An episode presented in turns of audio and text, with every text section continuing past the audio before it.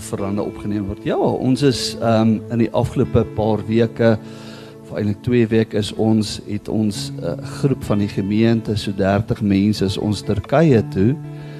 En Turkye is eintlik klein Asië soos wat wat hy beskryf word in die Bybel waar uh, in Israel het basies Matteus, Markus, Lukas en Johannes afgespeel, maar Handelinge het waarskynlik net daar, nie waarskynlik verseker daar in Turkye afgespeel en natuurlik nou ons was nou nie in Griekeland en in Italië nie, maar daar het ook 'n gedeeltjie van van Handelinge afgespeel.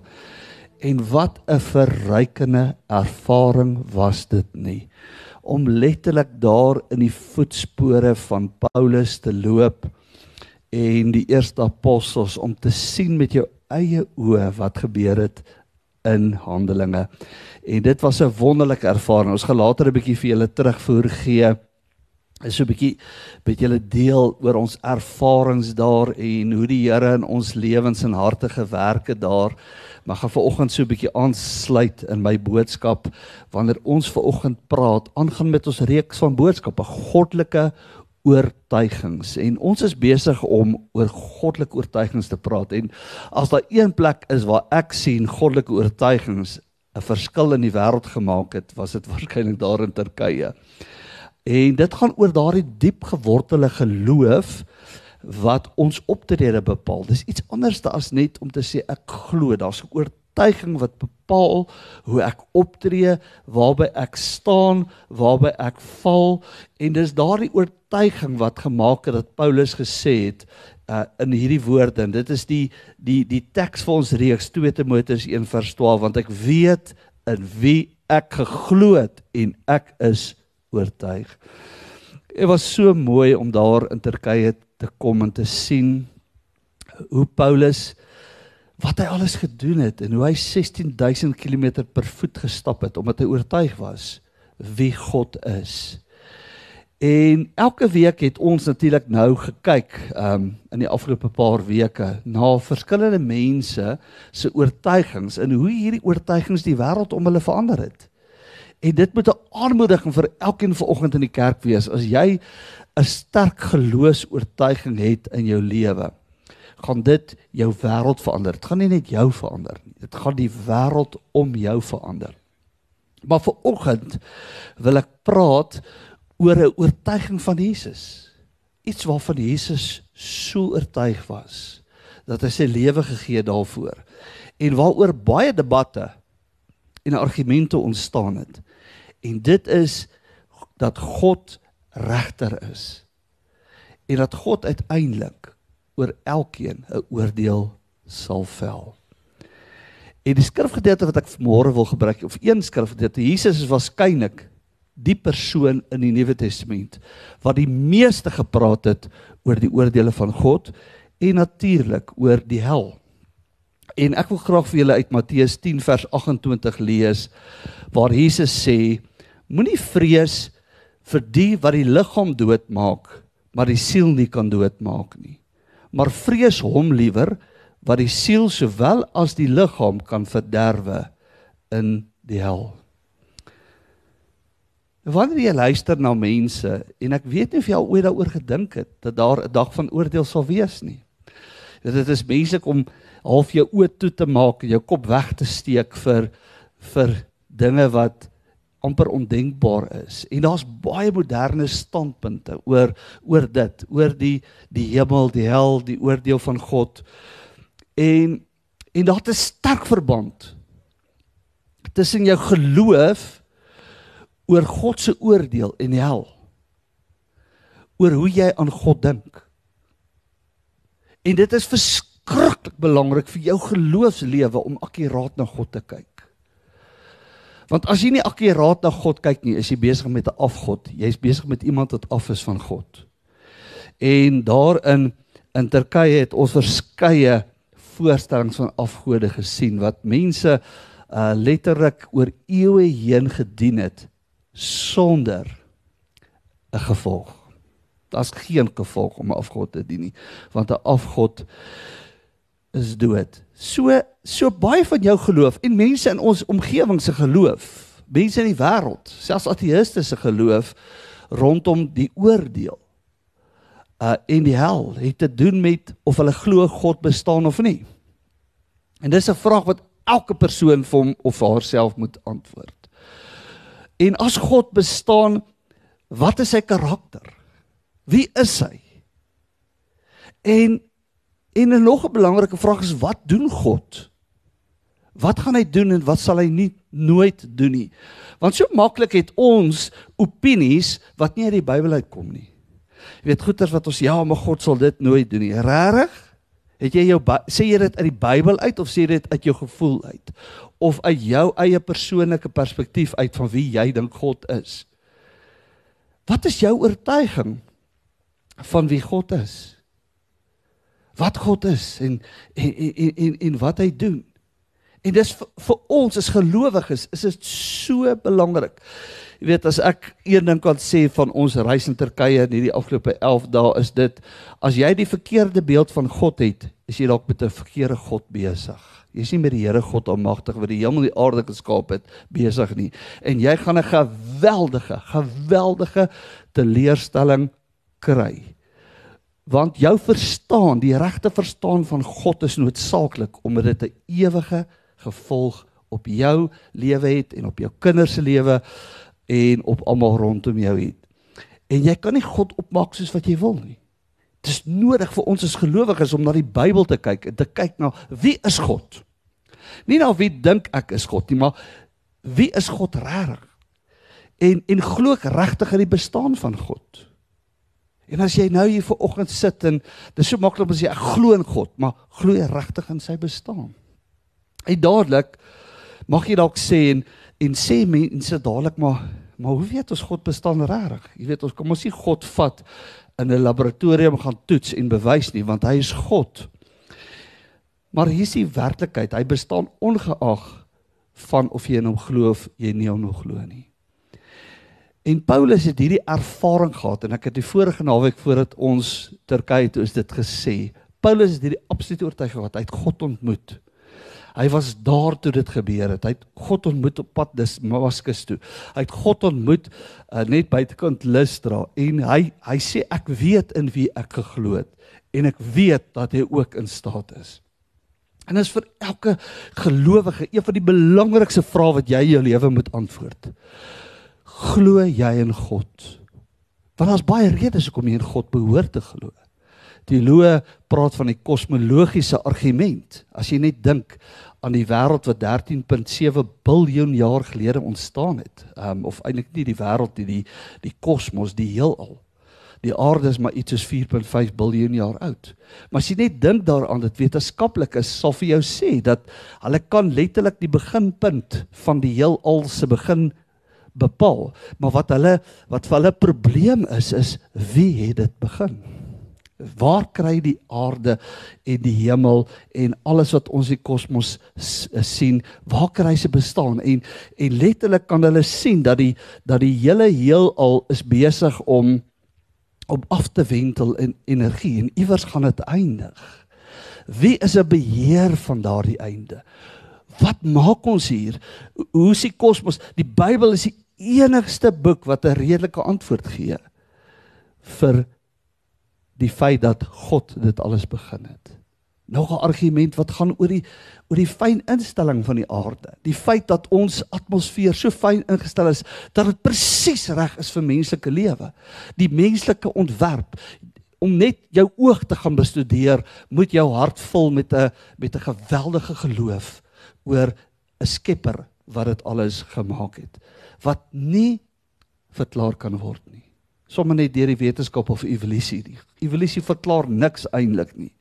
'n Morele argument dat mense reg oor die wêreld ongeag van hulle geloof dieselfde beginsels handhaaf. Wie het vir die mens geleer wat is reg of verkeerd? Waar het alles begin? En hoe is dit dat nasies wat op verskillende plekke die wêreld ontwikkel het, 'n soortgelyke besef het van wat reg of verkeerd is. Paulus antwoord daai vraag want God het dit in die hart van die mens ingelê, goed en kwaad. 'n Ander argument is die werklikheid van die skrif. Ek weet ek lees ver oggend Daniël 7. Dis amazing as jy net dink Daniël in Daniël 7 kry 'n gesig van wat in die wêreld gaan gebeur. En hy sien vier diere. Nou ons het letterlik die gevolg van daardie vier diere in uh in Turkye gesien. Hy sien die eerste dier wat hy sien is hy sien 'n leeu wat verskriklik kragtig is. En hy het vier vlerke en nou word sy vlerke uitgeruk. En ons weet Daniël het van die Babiloniese koninkryk gepraat. Letterlik het ons dan Turkye die nalatiging van die Babiloniese koninkryk gesien. En dan sê ek, daar kom daar dan kom daar 'n volgende dier, 'n beer. 'n Beer met drie ribbes in sy mond. En onthou Daniël het eintlik in die Babiloniese koninkryk se tyd geleef. Daar's geen manier dat hy dit kon so akkuraat voorspel dat 'n volk sou kom wat die meer in die Persiese ryk was. Toe Kores Babilonië oorval het en letterlik op daardie stadium hy het gekom met drie ribbes in sy mond. Hy het op daardie stadium het hy dan die Babiloniërs oorwin, die Egiptenare oorwin en die Lydians oorwin wat 'n volk was wat ook geheers het in daardie tyd. En dan sien ek om 'n luiperd. 'n Luiperd wat Alexander die Grote was. En dan sien hy kom daar 'n verskriklike dier uit die see uit met eystertande wat met sy voete die aarde vertrap. Dit was die Romeinse ryk.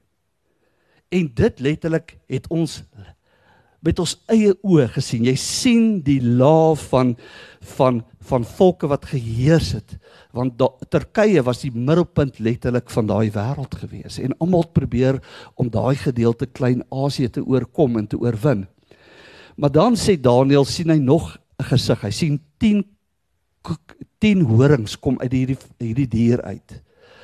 Hy sê in 'n laaste sien hy Hy praat eintlik van 10 koninkryke. Laaste sien jy dan kom maar een horingkie uit wat menslike oë het en verskriklike dinge praat. Hy praat van die anti-kris.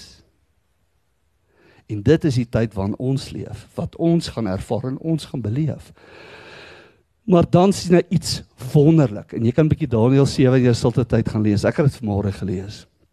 Dan sien hy daar sit 'n ou op die troon, praat hy van God die Vader.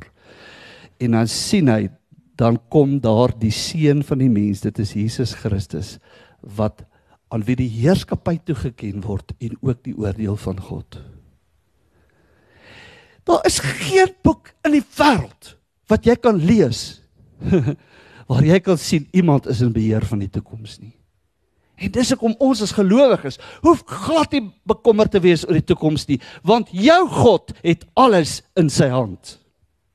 As jy na die Bybel kyk, as jy die Bybel lees, dan verstaan jy die toekoms, dan weet jy waartoe alles gaan. En jy weet een ding verseker. Jy weet waar jy gaan opeindig as jy aan Jesus Christus vashou. Is dit nie 'n wonderlike boodskap nie? Ek dink die werklikheid van hoe mense geleef het het my getref daar in Turkye. Jy weet ons is daar op 'n plek Smyrna. Dis een van die briewe wat in die boek Openbaring voorkom. En 'n Smyrna was 'n plek gewees waarvan Johannes Jesus sê vir Johannes op die eiland Patmos. Hy sê hy skryf 'n brief aan die gemeente Smyrna en hy vertel dat daai gemeente verskriklike lyding gaan ervaar. En ons groep van 30 mense was daar gewees. En ons is sommer daar in die straat rondom die ou stad Smyrna vergader en daar boop 'n heuweltjie baie naby was daar 'n ou gewees wat daar gesterf het met die naam van Polycarpus. Hy was eintlik die disipel van Johannes wat wat die evangelie van Johannes in Openbaring geskryf het. En Polycarpus het geweier om die keiser te aanbid. En daar was 'n reël, hulle moes wierook gebrand het vir die keiser en Polycarpus het het geweier om dit te doen. En hulle het Polycarpus gedreig um om om God af te lê, om God te verloon. En Polycarpus se bekende antwoord is 86 jaar het ek hom gedien en hy het my geen kwaad gedoen nie. Hoe kan ek my koning en verlosser laster? Julle dreig my met 'n vuur wat 'n tyd lank brand en na rukkie geblus word, maar is onkundig van die vuur van die ewige straf wat voorberei is vir die goddeloses. En die kerkgeskiedenis leer ons dat hulle Polycarpus op 'n brandstapel vasgemaak en hom probeer verbrand en hy het niks oorgekom nie en toe het hulle hom letterlik met messe en swaarde deurboor en soos Polycarpus oorlede. En ons is daar by sy heuwel. En jy vra vir jouself, wat maak dat 'n mens bereid is om jou lewe af te lê? Die kosbaarste ding wat ek en jy het is ons lewe. Is tyd, is ons lewe. Bereid om dit prys te gee. Want Polycarpus het geweet in wie hy geglo het. En hy het geweet daar's 'n regter aan die einde van die dag. Wat glo jy? Miskien sê jy ek glo nie die bestaan van God nie. Dan wil ek jou mooi vra om dit te gaan heroorweeg en weer daaroor gaan te gaan dink of dit wat jy sê en glo in pas is met die realiteit van waarheid en hoe dinge is. Want daar's goeie argumente, logiese argumente vir die bestaan van God. En selfs al sê jy vir vandag ek glo nie in God nie. Ek is 'n ateïs.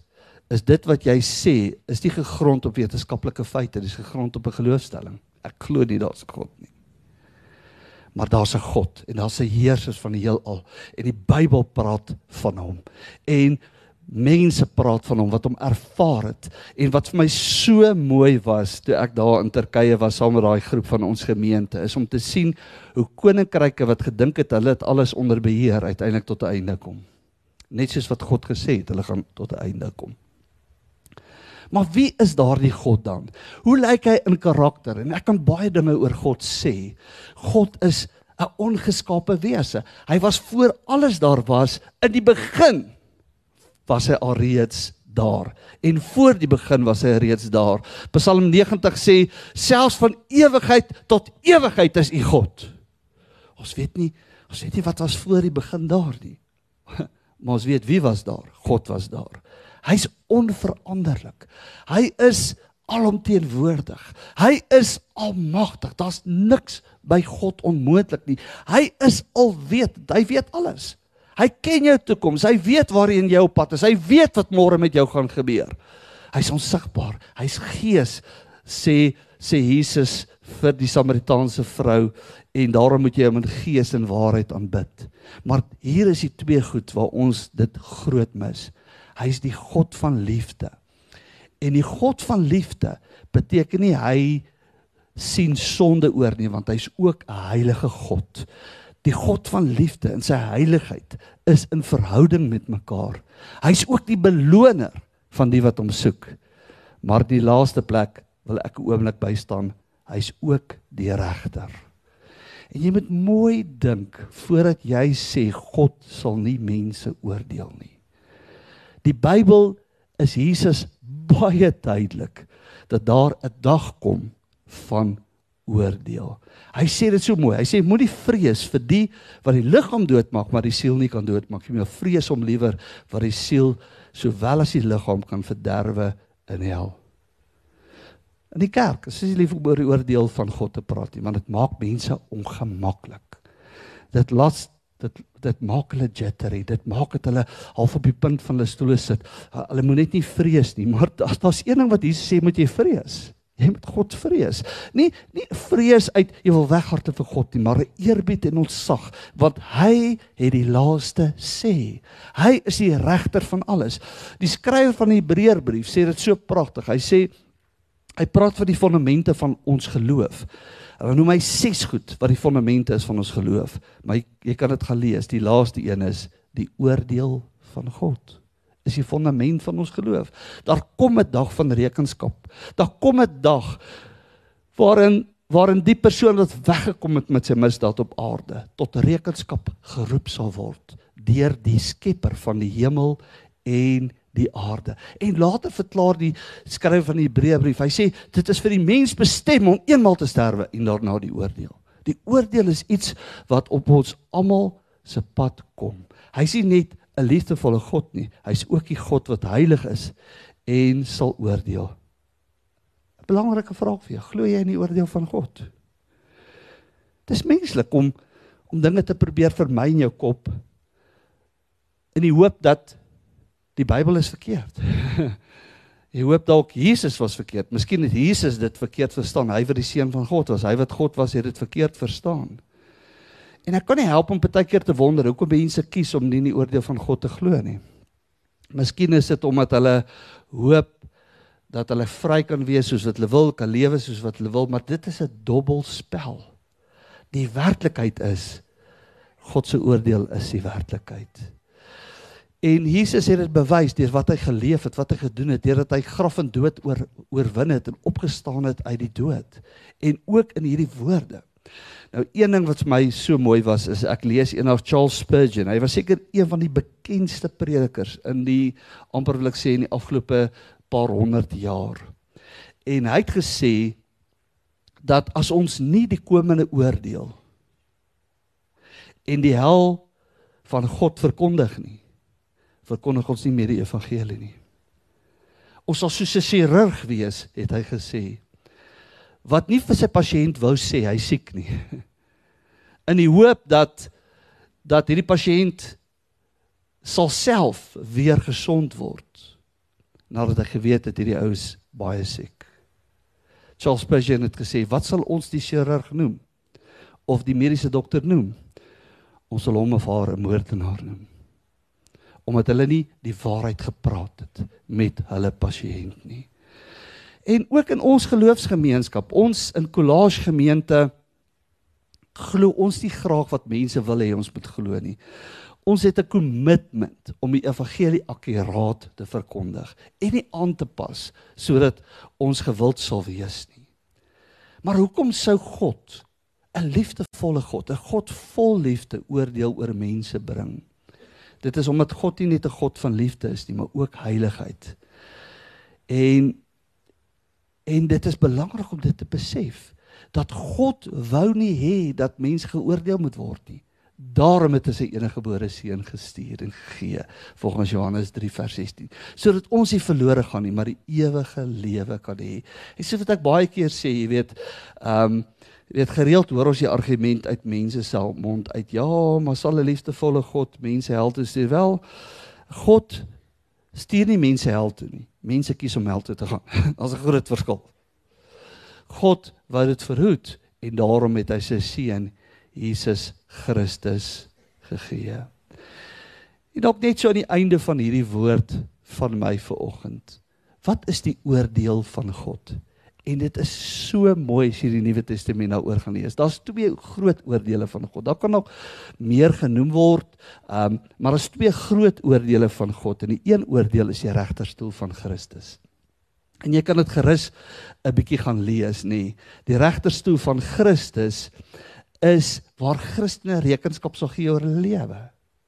Maar omdat 'n persoon, 'n gelowige Jesus Christus in sy of haar lewe aangeneem word, is hierdie nie 'n oordeel of 'n strafsessie nie. Hierdie is 'n beloningssessie. En jy kan dit gaan lees, die regterstoel van Christus, waar Paulus praat in Romeine 14 vers 10. Hy sê ons sal almal voor die regterstoel van Christus verskyn.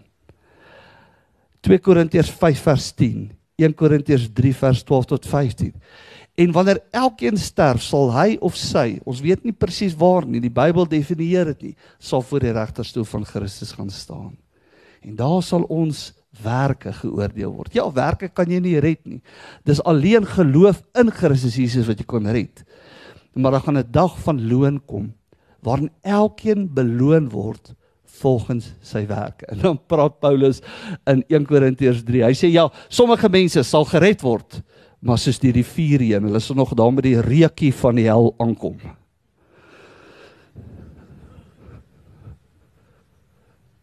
Hulle gaan net nie daar kom om met geloof in Jesus gepraat. Maar daar's vreeslik baie skrifte en daar op Turkye het ons bietjie gepraat oor die vyf krones wat gelowiges gaan ontvang. Verseker gaan daar verskil wees tussen mense in die hemel en die regterstoel van Christus gaan dit bepaal. Maar dan sê die Bybel ook van die wit troon oordeel. En dit is ons lees dit in Openbaring 20 waar klein en groot, die dood en die doderyk in die wit troon oordeel geoordeel word. Hoekom as iemand Jesus Christus verwerp, of gaan daardie persoon nie dadelik hel toe nie want God is regverdige God. Hy gee nog elke persoon 'n kans om hom of haarself te verdedig en dit is wat by die wit troon oordeel gebeur. En ons lees dit so nê. Ek het 'n groot wit troon gesien en hom wat daarop sit voor wie se aangesig die aarde en die hemel weggevlug het. En daar's geen plek vir hulle gevind nie. En ek het die dode klein en groot voor God gesien staan en die boeke is geopen en 'n ander boek die boek van die lewe is geopen en die dode is geoordeel na wat in die boeke geskryf is volgens hulle werke. So hier is nie 'n oordeel waaraan ons onderwerp word wat gelowiges is nie. Dis 'n oordeel vir mense wat gekies het om God nie te glo nie en hier's die werklikheid die skrywer van Hebreëbrief sê Julle moet versigtig wees ouens. Daar is 'n God. En hierdie God weet wat op aarde aangaan. Paulus sê moenie dwaal nie, God laat hom nie bespot nie. Net dit wat die mens saai, dit sal hy maai. Maar die skrywer van die Hebreëbrief sê vreeslik is dit om te val in die hande van 'n lewende God. Maar as ons in hom is, is ons veilig. Is ons met hom. Um is hy saam met ons en wanneer ons sterwe, dan gaan ons oor van die dood tot in die lewe in die ewige heerskappy van God en gaan ons voor die regterstoel van Christus verskyn. Ek wil graag afeindig vir oggend net met hierdie een versie. Wanneer Hebreërs 9 vers 27 dit sê, hy sê dit net so. Hy sê net soos die mens bestem is om eenmaal te sterf en daarna die oordeel, so is Christus eenmal geoffer om redding te bring vir die wat op hom wag. En dis die wonderlike nuus van die evangelie. Dat wanneer ek en jy Jesus Christus in ons lewe het en innooi, spring ons die groot wit troon oordeel, die plek waar dit vreeslik is om te val die hande van die lewende God, spring ons vry. En hierdie is die evangelie van Jesus Christus. Jesus het gekom sodat elkeen wat in hom glo nie verlore hoef te gaan nie, maar die ewige lewe kan verkry. In ons gemeente weet ons, daar is 'n regter. Ons weet dat hy sien net die skepper en die bestuurder van hierdie heelal en hy laat nie net sy wil geld hier op aarde nie, maar hy's ook die een wat uiteindelik die laaste sê gaan hê oor jou en my lewe. Kom ons buig ons hoofde in gebed. Here, dankie dat ons ver oggend u woord kan bring. Here, u woord in ons harte kan inneem. En met respek na u toe kan kyk, u wat die skepper is van die hemel en die aarde. U wat wat die lot van die mensdom bepaal. U wat deur die geskiedenis regeer, al dink nasies en konings en keisers en wie ook al hulle regeer. Is u die een wat die laaste sê het? En dan gaan ook 'n dag kom, Here, dat ons lewens wat hier sit in hierdie kerkgebou vir oggend se lewens op 'n einde gaan kom. En dan gaan U weer die laaste sê. En daardie laaste sê noem ons die oordeel, die regterstoel van Christus of die wit troon oordeel. Here, help ons dat ons deel sal wees op daardie dag van die skape en nie van die bokke nie. Help ons om daardie dag beloning te ontvang en nie straf nie. En Here, ek weet terwyl ek hierdie woord verkondig, is daar harte wat diep nadink oor wat hierdie woord beteken, oor u bestaan, oor wie u is en wat u doen. Here, vir oggend is dit dalk 'n keerpunt vir mense in hierdie kerkgebou wat al lank gewik en geweeg het oor of hulle u wil volg en of nie. En vir oggend is dalk die geleentheid waar mense weer hulle kommitment hulle toewyding aan U wil vasmaak. Ek wil bid vir elke persoon wat vanoggend hier is en 'n nuwe keuse vir U wil maak, Here, dat U hulle sal ontvang want U woord sê dat maar almal wat hom aangeneem het, aan hulle het hy die reg gegee om kinders van God te word, aan hulle wat in sy naam glo. En net daar waar jy sit in stilte voor die Here, miskien het jy gevoel na aanleiding van hierdie boodskap vanoggend, jy wil Jy wil jou sak regstel met God. Vanoggend is die geleentheid vir jou. Dit is God se bestemde tyd vir jou om jou in sy koninkryk in te roep sodat jy deel kan wees van die wat beloning ontvang en nie straf nie. En net daar waar jy sit vanoggend, gaan jy nie uitroep hier na vore nie, maar as jy vanoggend 'n besluit vir die Here wil maak, sê Here, hier is ek.